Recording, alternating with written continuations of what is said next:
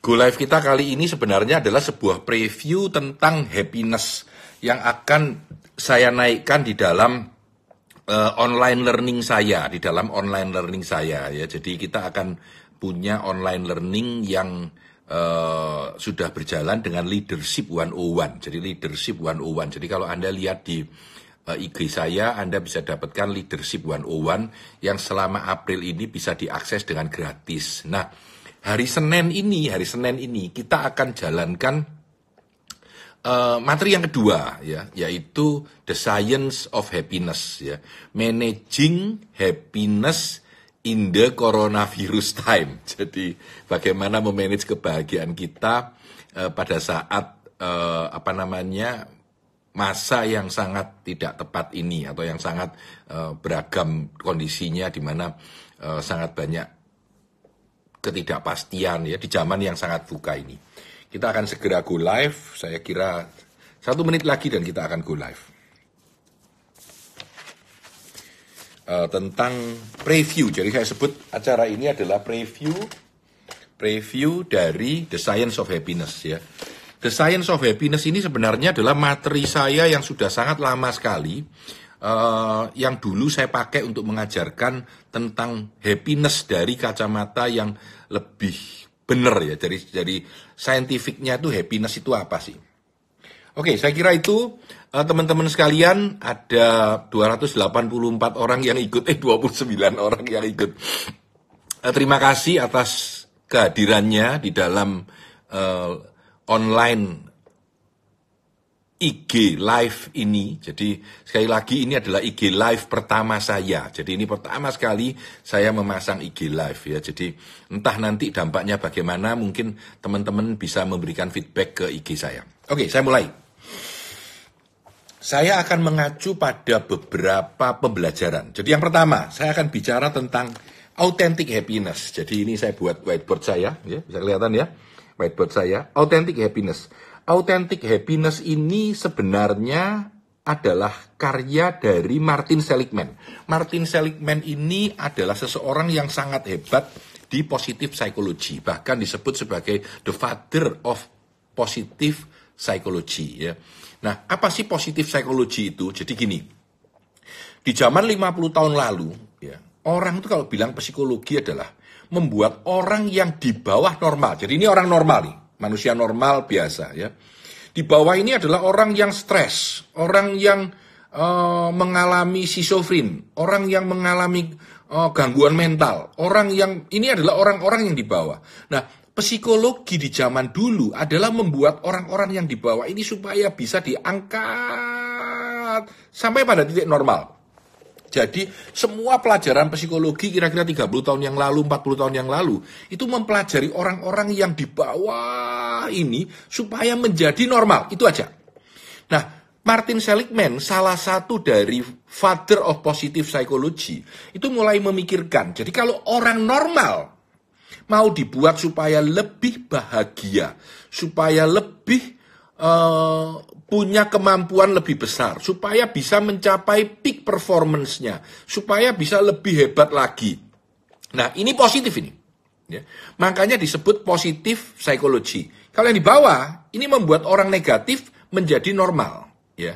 Jadi kalau ini adalah orang di mana orang normal menjadi orang yang jauh lebih hebat. Itu disebut positif psikologi. Nah, Martin Seligman adalah salah satu uh, father of positive psychology. Nah, di dalam bukunya yang disebut authentic happiness ya, authentic happiness. Sebetulnya kebahagiaan yang autentik ya, yang benar itu seperti apa ya. Maka di dalam bukunya Authentic Psychology, eh sorry, Authentic Happiness, dia bilang sebenarnya orang bahagia itu ada tiga layer. Layer yang pertama, ya, nanti saya tunjukkan lagi. Pleasure yang paling bawah sebenarnya ini, yang paling sederhana engagement yang nomor dua, dan yang ketiga meaning. Yang ketiga meaning. Ya. Jadi ini tiga hal di dalam positif psikologi. Nah, yang pertama disebut pleasure. Jadi pleasure itu apa sih? Pleasure itu adalah kenikmatan kita. Ya, saya bacakan specifically pleasure itu sebenarnya apa ya? ya. Pleasure itu adalah the pleasant life, bodily pleasure and sense of enjoyment. Ya.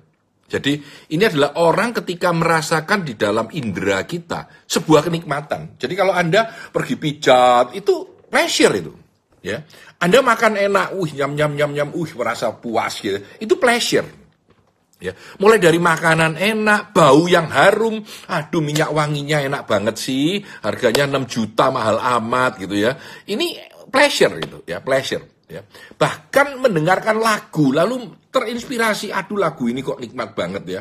Itu adalah pleasure, itu adalah pleasure ya. Lalu eh, keadaan yang nyaman, rileks, enaknya re, aduh AC-nya dingin ya. Lalu nonton bioskop dengan menikmati begitu ya. Bahkan orang bilang seksual itu adalah pleasure. Ya, pleasure ini adalah kenikmatan uh, dalam skala yang paling rendah sebenarnya. Di dalam teorinya Martin Seligman, pleasure ini adalah yang paling rendah, ya, yang paling gampang dicapai, ya. yang paling umum, yang paling dicari orang pleasure, ya pleasure. Ya. Nah, yang kedua disebut engagement, ya disebut engagement. Engagement ini apa? Engagement ini adalah keadaan di mana kita menikmati apa yang kita kerjakan. Ya. E, kalau dalam teorinya Martin Seligman disebut the good life, absorbing activities.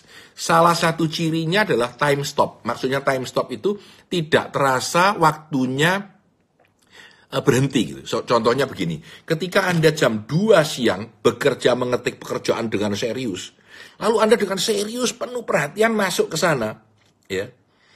Anda menoleh lagi sudah jam 7 malam. Ya. Jadi waktu itu seolah-olah berhenti padahal sudah 4 jam. Ya. Nah, ini teori aslinya disebut flow, F L O W, flow ya. Flow itu hanyut atau mengalir. Nah, flow itu sebenarnya berasal dari seorang profesor dari University of Chicago namanya Mihaly Csikszentmihalyi. Jadi Mihaly Csikszentmihalyi ini mempunyai pendapat bahwa kalau kita lupa waktu, kalau apa yang kita kerjakan itu membuat kita hanyut, ketika kita menambahkan energi kita, kita semakin mengalir dengan baik. Ketika kita menambah effort kita, kita semakin bisa mengalami pekerjaan itu dengan lebih nyaman, maka kita mengalami apa yang disebut dengan flow. Ya. Aktivitas yang kita kerjakan, sesuatu yang kita senangi. Kita sedang membaca buku komik dengan nikmatnya. Tiba-tiba komik kedua, komik ketiga. Kita selesai komik kelima itu sudah sore, sudah 4-5 jam, tapi kita tidak kerasa, lupa, lupa waktu. Ya. Mungkin Anda yang sedang pergi berburu, wah gitu ya, memancing, memancing, ataupun golf. Ya dancing, surfing, dan lain-lain. Semua kegiatan yang membuat Anda lupa waktu. Baik itu pekerjaan, entertainment, ataupun kehidupan Anda. Nah, kalau Anda mampu membuat pekerjaan Anda menjadi bagian yang membuat Anda lupa waktu. Misalkan Anda sedang membuat materi. Kerja, kerja, kerja, toleh lagi. Waduh, tahu-tahu sudah malam ya. Itu mengalami flow. Nah, ini di dalam kegiatan ini, Martin Seligman bilang, This is engagement. Jadi ini di dalam authentic happiness. Jadi happiness yang autentik. Ini nomor dua. Ada tiga layer ya. Yang pertama tadi saya bilang adalah pleasure. Ya. Yang kedua adalah engagement. Dan yang paling dalam, yang ketiga, menurut Martin Seligman adalah meaning. Ya, meaning. Ya. Meaning ini simple. Ya. Meaning ini arti ketika Anda menemui kehidupan yang penuh arti atau di dalam bahasanya something that is larger than life atau something that is larger than yourself. Lebih dari sekedar kenikmatan saya, ya. Kita menemukan sesuatu yang lebih besar, ya, tentang sesuatu kehidupan yang lebih hebat. Uh, saya di dalam seminar online lecture saya, saya berikan cerita tentang dua pilihan. Jadi tiga empat tahun lalu ketika saya sedang banyak meriset tentang happiness, saya buat sebuah uh, waktu itu Facebook rame banget ya. Jadi Facebooknya rame banget. Gitu. Saya kalau bermain Facebook itu repost itu bisa uh, 50, 100 gitu ya. Jadi bahkan pernah sampai 800 gitu ya. Jadi orang masih rame-ramenya bermain uh, Facebook ya. Saya pernah melakukan survei. Jadi saya tanya begini. Bayangkan ada dua keadaan. Keadaan pertama, Anda dapat hadiah 25 juta. undian kampus, undian sekolahan, undian reuni, undian acara, whatever. Anda dapat 25 juta, pilihan pertama, keadaan pertama. Ya. Keadaan kedua, ya, Anda pergi menolong orang ketika ada bencana alam, Anda habis uang 5 juta, Anda di sana berusaha menolong orang, membongkar rumahnya orang yang runtuh karena bencana alam, akhirnya berhasil menyelamatkan satu anak kecil yang berusia lima tahun. Ya, sudah mau mati, tidak makan satu hari, tapi berhasil Anda selamatkan dan anak itu hidup dan merangkul Anda. Terima kasih Bapak, terima kasih saya sudah diselamatkan, lalu pingsan. Dan Anda bawa ke rumah sakit, anak itu akhirnya hidup dengan baik. Anda punya dua pilihan nih yang satu mendapat hadiah 25 juta, yang kedua habis uang, masih sengsara tiga hari, menolong orang, tapi akhirnya selamat orang ini. ya. Dan Anda nggak dapat apa-apa, dapat terima kasih lah. Pertanyaan saya, mana yang lebih membuat Anda bahagia? Duit yang 25 juta, yang pertama, yang pertama adalah duit 25 juta, ya, atau yang menyelamatkan orang, yang kedua, ini teman-teman yang lagi lihat boleh nggak coba nulis ke saya, milih nomor satu atau dua, biar yang lain juga bisa tahu. Ya. Eh, menurut Anda mana yang lebih bagus? Apakah saya lebih baik dapat 25 juta, ditulis 25 juta, atau menyelamatkan orang? Ya, menyelamatkan orang. Ya. Kalau ada yang mau interaktif, kita bisa lihat supaya yang lain juga bisa tahu ya, apa mana yang lebih membuat kita merasa nyaman ya. Karena ini sebenarnya adalah meaning ya satu kebahagiaan yang artinya kita menemukan sesuatu di dalam diri kita, ya, meaning. Ya. Meaning ini tidak berkaitan dengan saya dapat duit, ya. tidak berkaitan dengan saya bahagia atau tidak, tapi berkaitan dengan saya menemukan sesuatu yang bigger than myself, itu lebih besar dari kehidupan saya. Saya menolong orang, ya. saya membuat orang lebih bahagia. Nah itu meaning, ya. ini meaning, ya. ini meaning. Yang ketiga, ya. Nah, problemnya adalah, jadi jawaban sederhananya pasti adalah yang dapat 25 juta itu sebenarnya pleasure, Pak. Ya, simple aja. Yang menolong orang itu di sini, Pak. Ya, beda ya. Nah, yang menarik menurut saya adalah ternyata meaning ini jauh lebih powerful daripada pleasure.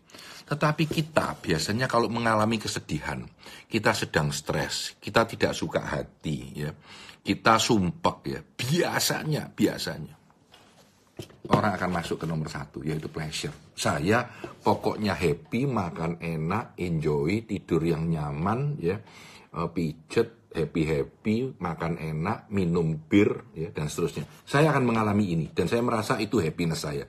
Padahal sebenarnya happiness kita itu jauh di sini happiness kita itu jauh di sini. Ya.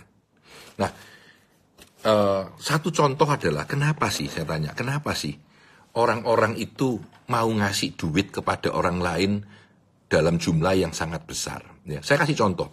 Kenapa Bill Gates? Kenapa Bill Gates mau menghabiskan semua hartanya dikasihkan orang? Itu kenapa? Kenapa orang-orang kaya itu justru mau menjadi filantropis, orang yang nyumbang orang? Sebenarnya alasannya sederhana banget, yaitu mereka menemukan meaning. Ya, mereka menemukan meaning di dalam kehidupan itu. Dan dengan meaning ini, mereka menemukan satu kebahagiaan tersendiri ketika mereka bisa berbagi dengan orang lain, ketika mereka bisa memberikan sesuatu kepada orang lain. Ini membuat mereka lebih bahagia, lebih damai, lebih tentram, lebih tenang ya. Dan ini membuat mereka senang gitu. Nah, ini menemukan ini. Nah, di dalam kehidupan kita, ketika Anda di zaman coronavirus ini yang sangat susah. Ya. Di zaman ketika Anda sangat sumpah karena banyaknya hal ini ya. Ini tiga hal yang sederhana ya. Nanti di dalam materi saya yang bisa Anda lihat di hari Senin, hari Senin depan, kita akan upload ya. Itu akan ada banyak hal ya. Tidak hanya bicara tiga ini, kita bicara tentang enam langkah. Enam langkah membuat kita menjadi lebih happy ya. Kita akan punya materi macam-macam ya. Itu bisa Anda lihat. Jadi saya pada dua minggu lalu ya, ketika sedang pusing dengan coronavirus time ini, saya berpikir ya, saya kenapa ya pusing ini? Apa yang harus saya lakukan di zaman ini? Maka saya pingin membuat sebuah situs website di mana orang itu bisa lihat, bisa belajar anytime ketika work from home sudah begitu membosankan. Ya, bisa begitu membosankan. Menarik, saya tunjukkan kepada Anda. Saya tidak lari pada pleasure. Ya. Yang pertama, saya sebenarnya lari pada mini. Saya ingin menemukan arti buat orang-orang yang sedang work from home ini supaya mereka bisa belajar sesuatu Ya. Supaya mereka tidak sia-sia menghabiskan waktunya di rumah lalu nganggur aja. Ya. Maka saya ingin menjadi orang yang punya makna. Saya ingin berbagi tentang ilmu-ilmu yang saya punya dan Anda bisa akses anytime dan gratis gitu dan gratis ya. Maka saya menemukan meaning. Tapi yang menarik, ketika saya mulai riset, saya mulai bikin, saya ternyata saya mengalami yang kedua ini. Ya, jadi ini adalah kebahagiaan saya yang lain, yaitu saya bisa satu hari meriset materi, menyiapkan diri, ya, lalu membuat rekaman, ya, dan saya lupa waktu gitu. Kemarin ketika rekaman, saya bilang saya mau pulang jam 2 ya, nggak selesai, jam 3, jam 4, jam 5, baru selesai gitu. Dan saya betul-betul lupa waktu gitu. Saya mengerjakan dengan serius banget, ya. Ketika saya memikirkan, atau ketika Anda memikirkan, atau ketika siapa pun memikirkan sesuatu yang lebih dari sekedar mendapat uang, Anda akan menemukan meaning. Ya, ketika Anda menemukan meaning atau makna di dalam kehidupan Anda, maka Anda akan mulai merasa nyaman gitu, dan merasa happy. Dan mulai Anda belajar untuk mengerjakan sesuatu dengan lebih semangat, dengan lebih baik. Ya, ini adalah tiga hal yang Anda harus pelajari, yaitu tentang bagaimana kita The Science of Happiness. Ini sebenarnya ada di section 1 saya. Jadi kalau Anda besok download atau melihat materi saya, Anda akan menemukan di section 1. Saya cerita tentang hal ini. Kita punya 6 section di sana, ya. 6 section. Jadi ini adalah section 1 yaitu pleasure, kenikmatan, engagement, ya. Kita semakin me, kalau Anda bersama dengan anak Anda bermain dengan serius, menggambar, tangannya bercelepotan semua, lalu Anda Anda ketawa dan happy, Anda mengalami flow. Ya, teorinya Mihaly Csikszentmihalyi, Anda lupa waktu dan Anda masuk dan hanyut di dalam pekerjaan itu. Ya, ini kalau kita lihat. Jadi ini tiga. Nah, ada pertanyaan yang menarik. Sekarang saya kenalkan satu orang lain, ya, seorang perempuan yang menarik namanya adalah Sonya Lubimirski. Sonya Lubimirski. Nah, siapa sih Sonya Lubimirski ini? ini menarik sekali ya. Jadi Sonya Lubimirski ini adalah seorang periset di Amerika di sebuah kampus ya, yang dapat uang 1 juta US. Grant, grant itu adalah hibah. Ya. Dan lalu dia disuruh melakukan riset tentang happiness, melakukan riset tentang happiness. Ya. Dan Sonya Lubimirski melakukan riset-riset yang cukup menarik. Saya akan tunjukkan nanti enam langkah, ya, enam langkahnya dia. Tetapi yang paling menarik di awal menurut saya adalah ketika Sonya Lubimirski menemukan ini. Ini namanya the pie of happiness. Jadi carpainya happiness ya. Ini Sonya Lubimirski yang nulis. Anda bisa Google yang namanya uh, apa namanya uh, Pie of Happiness gitu ya di, di Google aja ya. Anda akan ketemu ini, Pak. ini, ini soalnya lebih miskin namanya ya. Pertanyaan mendasar, orang bahagia itu karena apa? Ya, orang bahagia itu karena apa? Di dalam seminar happiness dulu ketika saya melakukan seminar tentang happiness, pertanyaan saya juga boleh kepada Anda untuk refleksi sebentar. Apa yang membuat Anda bahagia? Ketika saya tanya di, di kelas, apa yang akan membuat Anda bahagia? Nggak apa-apa, open aja, terbuka aja. Orang akan bilang, Pak, saya bahagia kalau punya rumah, punya mobil, ya, dan hidup nyaman. Nggak salah, nggak salah itu benar. Ya. Ada yang malu-malu, Pak, kalau saya dapat uang 10M saya bahagia. Loh, nggak apa-apa, itu normal aja. Dapat 10M itu sebuah hal yang positif. ya. Saya bilang nggak apa-apa, it's good. Ada yang bilang, Pak, kalau saya naik pangkat, saya akan bahagia. Oke, okay, good. Ada yang bilang, Pak, kalau saya kurus 10 kilo, saya akan bahagia. Ini saya, ini saya ya. Jadi, Pak, kalau saya kurus 10 kilo, saya akan bahagia. Ya. Oke okay juga, tidak ada yang salah juga. Ya. Pak, saya kalau misalkan uh, dapat uh, mobil baru Mercedes, saya akan bahagia. Ya, tidak apa-apa, benar. Ya. Tapi yang menarik, Martin Seligman, kembali ya Martin Seligman, bukan Sonya ya, Martin Seligman. itu bilang bahwa di Amerika ini risetnya, kalau gajimu 60 ribu US, 5 ribu US sebulan ya, 60 ribu US tahun. Jadi uh, memang kalau 5 ribu US itu 80 juta ya sebulan gaji. Di Amerika itu cukup oke, okay, tapi bukannya gaji yang tinggi banget.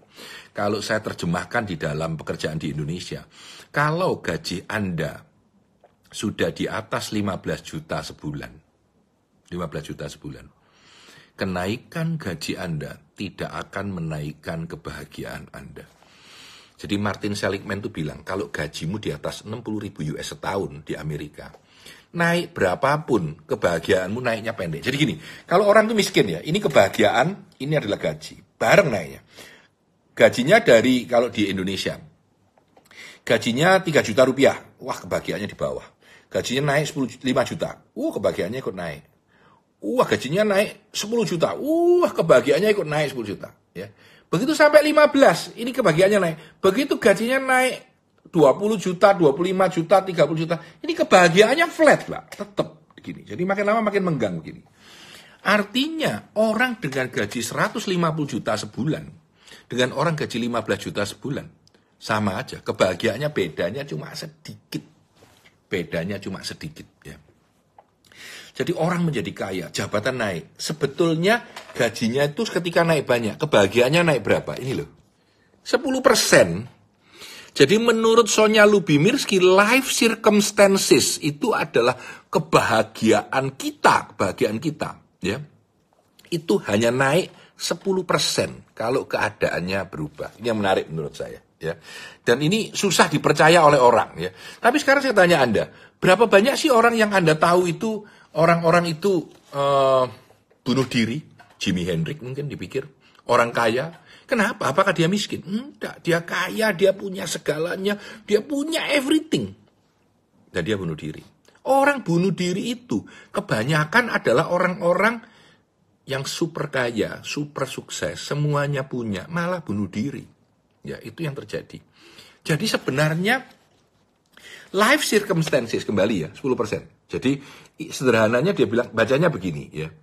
Seseorang itu bahagia atau tidak 50%, 50% itu dikarenakan genetic set point. Nah, ini menarik. Kata genetic set point ini menarik. Ini secara psikologi ya. Jadi orang yang hidupnya selalu sudah bahagia, 50% itu terpengaruh dari memang dia dari sononya itu bahagia atau tidak. Jadi kalau Anda lihat Anda punya dua atau tiga anak ya, ada yang gampang bahagia, ada yang selalu murung, dikasih apa pun tidak puas. Selalu melihat dari kacamata yang jelek, selalu merasa tidak cukup, selalu merasa dirinya sengsara, selalu merasa hidupnya tidak cukup. Ya. Kenapa seperti itu? Ya, karena genetik set pointnya 50% ini sudah kurang kurang bagus itu. Ya, 50%. Ya, 50%. Ya. Nah, apa yang membuat kita menjadi kaya, super kaya, rumahnya besar, segala macam. Kenapa disebut 10%? Risetnya di mana Pak San? Nah, risetnya menarik. Ya. Jadi ada orang, true story ini, ya, dapat hadiah 5, 5 juta dolar. Jadi waduh, banyak lah ya, pokoknya banyak. Duitnya banyak banget ya. Dia mendapatkan 5 juta dolar ya. Dan bahagia apa tidak? Super bahagia super bahagia. Bisa beli mobil, beli rumah, beli segala macam bisa. Tapi yang menarik adalah setahun kemudian kebahagiaannya kembali pada level sebelum dia dapat hadiah. Ini yang menarik, Pak. Menarik. Jadi orang super kaya menikah dengan super model, dapat rumah yang sangat hebat, mobilnya sangat menarik, ya. Semua itu ketika orang itu mendapatkan hadiah yang begitu besar, itu adalah bagian dari life circumstances, keadaan kehidupan. Apakah membuat dia bahagia? Iya. Iya, tetapi sebentar aja kembali turun lagi. Bedanya cuma 10%.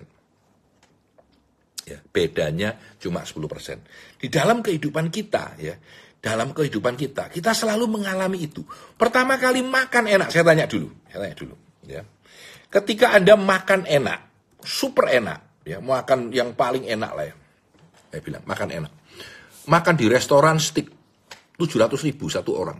Kuenyang, enak, puas. Oke ya, clear ya. Dua hari lagi makan yang sama. Masih enak enggak? Enak pak, masih enak. Dua hari kemudian makan yang sama lagi. Enak enggak? Hmm, ya oke okay lah pak. Dua hari lagi makan lagi yang sama. Enak enggak? setelah lima kali Anda muntah. Nggak mau disuruh makan. Mendingan gaduh-gaduh aja Pak. Ya. Kalau dipepet lagi, bisa bayangkan enggak? Pagi makan stik yang enak, siang makan stik enak, sore makan stik enak, besok makan stik enak. Muntah gitu. Kenapa? Nah, ini teorinya disebut hedonic adaptation dalam teori. Apa yang disebut hedonic adaptation? Hedonic adaptation itu adalah tanpa sadar kita beradaptasi terhadap hedonisme kita, terhadap kenikmatan yang ada. Kekayaan, kecantikan, jabatan, makanan enak. Ya. Saya dalam bahasa sederhana untuk membuat Anda ingat, saya sebut efek kakus. Kalau Anda masuk ke kakus, toilet, maaf ya, maaf ya, masuk bau basin Bau sekali. Di dalam, lima menit hilang baunya. Menarik, menghilang kok. Coba aja kalau nggak percaya. Ya hilang baunya. Pertanyaan saya, baunya hilang, baunya hilang sama sekali, atau, atau, ya, atau Anda sudah terbiasa dengan keadaan itu. Jawabannya yang kedua, Anda sudah terbiasa dengan keadaan itu. Dan itu yang disebut dengan efek kakus dalam bahasa saya. Ya dulu saya punya teori namanya efek kakus. Saya pakai di Business Wisdom uh, Story di Pas FM sangat lama ya, efek kakus. Hedonic adaptation, di mana kita terhadap kekayaan, terhadap kecantikan, terhadap jabatan, terhadap kekuasaan, terhadap makanan enak, terhadap baju bagus. Anda dapat baju bagus pertama Anda, sewenangnya luar biasa. Waduh, bagusnya bajuku. Baju yang kedua, yang ketiga, yang keempat, yang kelima. Sudah ke sebelas, iya gitu aja sih Pak, biasa aja. Hedonic adaptation. Ya, itu yang menyebabkan apa yang terjadi di sini. Jadi ketika suasana, keadaan, kekayaan, rumah, jabatan naik, hanya menaikkan kebahagiaan kita 10%. Hanya menaikkan kebahagiaan kita 10%. Oke ya. Nah, pertanyaan yang paling kunci, ini nggak bisa diapa-apakan. Membagi kebahagiaan cuma naik 10. Apa yang 40 ini? Nah, ini yang kunci. Sebenarnya dalam bukunya The How of Happiness, saya ulangi, The How of Happiness, milik Sonya Lubimirski ini, milik Sonya Lubimirski ini, dia bilang intentional activities atau action kalau bahasa simpel saya, atau perilaku kita action kita. Di sini dia sebut secara legal adalah intentional activities. Ini mempengaruhi 40% kebahagiaan kita. Ini mempengaruhi 40% kebahagiaan kita. Ya, intentional activities. Dan ini saya tidak bisa merubah karena sudah fix dengan keadaan saya. Saya memperkaya diri mati-matian cuma naik 10. Padahal dengan cara yang sederhana, saya bisa menghasilkan 40% naik di dalam kebahagiaan saya. Nah, pertanyaannya adalah, Pak, intentional activitiesnya apa?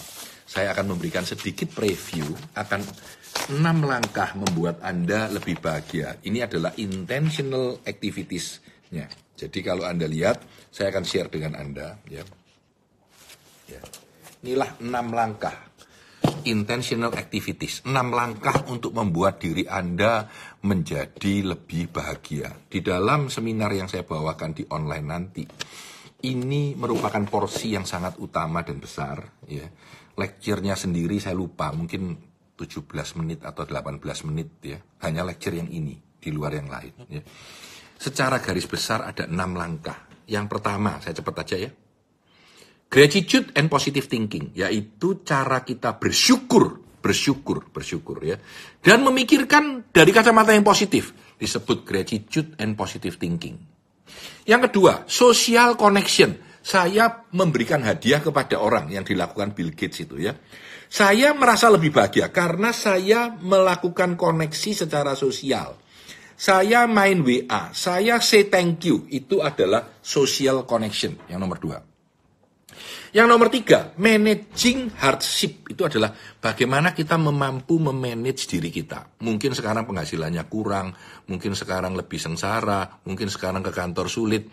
Nah itu bagaimana cara kita, activity kita, memanage diri kita. Itu yang nomor tiga. Yang nomor empat, living the now. Merasakan kehidupan saat sekarang. Jadi living the now. Ya. Anda selalu memikirkan, wah aku kalau nanti sukses, aku kalau nanti jangan pikirkan hari ini apa yang bisa saya lakukan, ya, bagaimana saya bisa melakukan sesuatu dengan baik. Itu adalah living the now. Dan yang kelima, committing to goal, melakukan komitmen terhadap sebuah goal.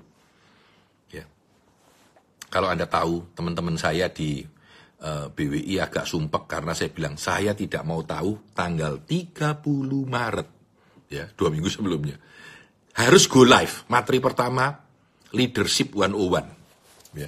Jadi Anda boleh boleh akses ke Anda bisa masuk ke IG saya lalu bisa di atas IG itu ada linknya. Anda bisa klik ya, masuk ke dalam IG sana, lalu masuk ke Leadership 101. Itu pembelajaran yang saya launching tanggal 30 Maret. Ya. Anda klik sana, lalu Anda cari Leadership 101, anda enroll bayar ya, kayak berbayar. Saya tulis 83 ribu.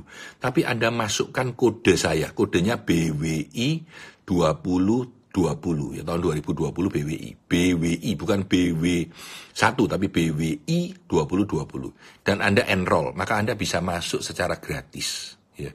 Dan ini pembelajaran pertama saya Leadership 101. Yang kedua ya ini nanti The Science of Happiness yang akan launching hari Senin nanti, hari Senin nanti. Nah, yang menarik adalah ketika saya komit pada goal saya, 30 Maret harus go live. Saya nggak peduli caranya gimana. Sudah rekaman dua kali, anak-anak bingung, saya meeting ya. Terima kasih juga sama Bu Rina, sama Andre ya, uh, sama Diah ya, sama Augi ya. Kita semua buikin sudah kayak nggak peduli. Malam lembur-lembur saya pokoknya mau tahu itu jadi dan jalan gitu ya. Dan mereka bekerja mati-matian, mereka bekerja mati-matian. Anda tahu kapan go live? 29 sudah go live. Ya. Kita coba lagi. 29 malam sudah go live. 28 malam itu masih gak karuan. 29 go live ya. Saya masih mengkritisi ini nggak bisa gini, ini nggak bisa gini ya. 29 malam sudah go live. Tanggal 30 pagi sudah siap jalan ya. Dan sudah mulai dipakai orang. Jadi Anda bisa akses ke online.bwiminindonesia.com ya.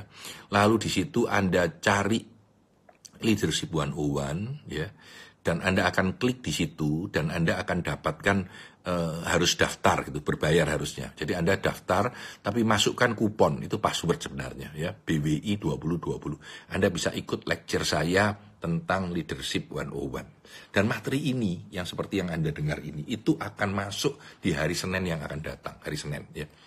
Hari Senin Anda akan ikut materi saya ada enam materi yang tadi Anda dengarkan sambil ngobrol ini, itu adalah materi pertama. Ya. Ini adalah materi kedua, singkatan. Tapi ini panjang, 17 menit. Ya. Jadi nomor lima menunjukkan committing to a goal. Jadi saya ketika komit sama goal saya untuk mencapai goal, saya juga happy gitu. Saya mengalami happiness gitu. Ya, committing to goal. Dan yang terakhir nomor 6, waktu saya juga sudah mepet jam 5, nomor 6. Take care of your body and soul. Ini menarik, Pak. Jadi yang keenam adalah take care of your body and soul. Jadi yang mau ngeklik ini juga boleh, ya nanti juga kalau mau Anda download Senin juga bisa, ya. Take care of your body and soul. Maksudnya apa? Ya. Take care of your body and soul. Take care of taking care of your body. Ternyata menurut Sonya Lubimirski, pijet itu enak ya tuh. Menghirup udara segar di pagi hari sambil jalan, meditasi, tenang, itu enak buat body saya. Lari, sehat, makan enak, tidak apa-apa, asal dalam jumlah yang pas. Ya. Itu your body. Your soul, your soul ini apa? Ternyata hasil riset bilang spirituality and religious. Ya. Ketika Anda lebih sembayang, lebih uh, bermeditasi, ya, anda dalam ketenangan, Anda mencari Tuhan, ya, itu adalah bagian dari kehidupan kita yang membuat kita lebih bahagia. Dan itu riset dari Sonya Lubimirski. Ya. Jadi ada enam langkah, ya, saya jabarkan dengan pendek, cepat aja. Ya. Bahwa ke satu kita harus punya gratitude, ya, rasa syukur dan positive thinking. Yang kedua harus punya social connection. Yang ketiga, harus mampu memanage keberatan, kesulitan, dan stres, dan hardship kita. Yang keempat, living the now, menikmati saat ini. Yang kelima, komit kepada goal Anda. Yang keenam, take care of your body and soul, tubuh dan kejiwaan kita melalui spirituality dan agama kita. Itu akan membuat Anda menjadi lebih baik. Nah, uh, saya ingin wrap up sedikit ya uh, preview ini jujur pertama kali saya buat IG live ya. Tadi pun saya minta tolong anak saya, tolong di set upkan, di set upkan semua. Pap, ini ditekan, ini ditekan. Waduh, ini generasi TWN tuwek nemen ini susah memang ya, generasi tuwek nemen ini susah jadi akhirnya jalan go live ya kalau anda tidak nyoba hal yang baru nggak bisa jadi saya nekat nyoba gitu ya nah sebagai penutup ya saya ingin berbagi tentang serenity prayer ini serenity prayer simple banget atas bahasa Inggris bawa bahasa Indonesia bahasa Inggrisnya adalah God grant me the serenity to accept the things I cannot change the courage to change the thing I can and the wisdom to know the difference. Ya. Bahasa Indonesianya, Tuhan berikan kedamaian untuk menerima apa pun yang tidak dapat aku ubah. Keberanian untuk mengubah apa yang aku bisa. Dan kearifan untuk mampu membedakannya. Ya. Dari sini ada tiga kata kunci yang menarik. Yang pertama adalah kedamaian dalam kedamaian untuk kita mampu menerima yang tidak bisa kita rubah. Ya, anda tidak mampu merubah coronavirus, ya, Anda tidak mampu merubah supaya Anda bisa nyaman keluar ke mana-mana. Ya sudah, given. Kita terima. Kedua, keberanian untuk mengubah yang kita bisa. Ya. Contoh yang gampang ini, Pak. Ya. Saya mau go live dengan ini, itu bingung juga ya. Tapi Anda tahu kapan keputusan go live ini? Tadi jam 1. Ya, jam 1 ngobrol-ngobrol dibilangi, pasan go live. Oh, ya udah go live. Ya, saya masih mikir gimana kalau Sabtu aja, gimana kalau Minggu aja atau gimana kalau Jumat aja. Ah, udah enggak lah. Sekarang aja, sekarang. Ya. Saya selalu bilang kepada tim kita di BWI, waktu yang terbaik itu kemarin. Ya, waktu kedua yang terbaik ya saat ini atau sesegera mungkin. Ya. Jadi keberanian untuk mengubah yang saya bisa. Dan kearifan untuk tahu atau membedakan mana yang aku bisa dan mana yang tidak. Ini yang penting ya. Kearifan, ini serenity prayer ya. Jadi kita bilang Tuhan berilah aku kedamaian untuk menerima apa yang tidak bisa aku rubah. Ya. Lalu keberanian untuk merubah, ini yang susah, keberanian untuk merubah. Ya. Dan sebuah kearifan ya. atau kebijaksanaan ya atau wisdom untuk bisa membedakannya. Ya, teman-teman sekalian, di masa coronavirus yang sudah tidak bisa diapa-apakan lagi, ya, kita mau nggak mau harus merubah apa yang kita bisa. Kalau Anda seperti saya, biasanya lecture, biasanya ngajar, go online. Pak, go online ini susah. Iya. Repot, iya. Apalagi saya. Ya. Susah sekali untuk merubah kebiasaan. Tetapi saya mau mencoba untuk berusaha dengan maksimal membuat ini bisa jalan gitu. Ya. Dan saya berharap Anda juga punya keberanian untuk merubah diri. Kalau Anda sulit, Pak saya nggak pernah nyoba, coba. Pak saya nggak bisa, bisa. Mau apa tidak gitu. Ya. Anda harus punya kearifan. Mana yang bisa Anda lakukan dan mana yang tidak. Ya. Dan kita harus berani. Ya. Karena sebenarnya Hak atas kebahagiaan itu adalah hak Anda. Dan hanya Anda sendiri satu-satunya orang yang mampu mempengaruhi kehidupan Anda. Terima kasih ya. Uh, sudah 37 menit ternyata, 37 menit dari jam 4.30 sampai jam 5.07. Buat teman-teman yang masih mendengarkan, kalau ada masukan, silahkan diberikan masukan ke saya, ya baik di IG saya ataupun di live saya. Ada yang tanya Pak San, kenapa IG-nya pakai wow NAH bukan Tanah di Santoso ya?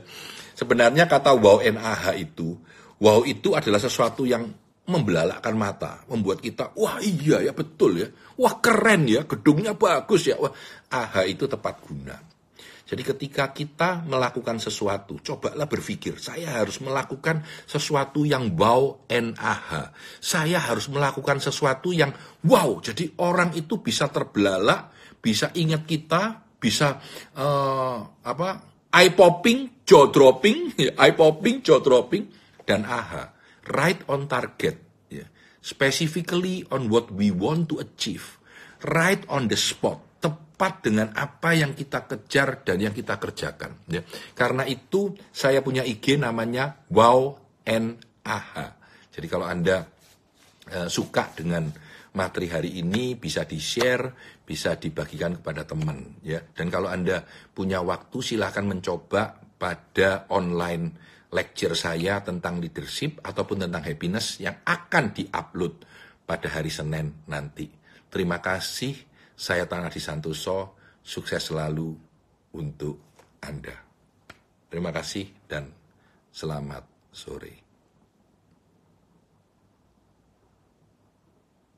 Dadah, akhirnya selesai juga ya. Saya punya yang pertama ya, IG Live. Jadi teman-teman melihat itu IG Live Pak Tanadi yang pertama, pertama kali bikin IG Live. Ya, pertama kali bikin IG Live ya.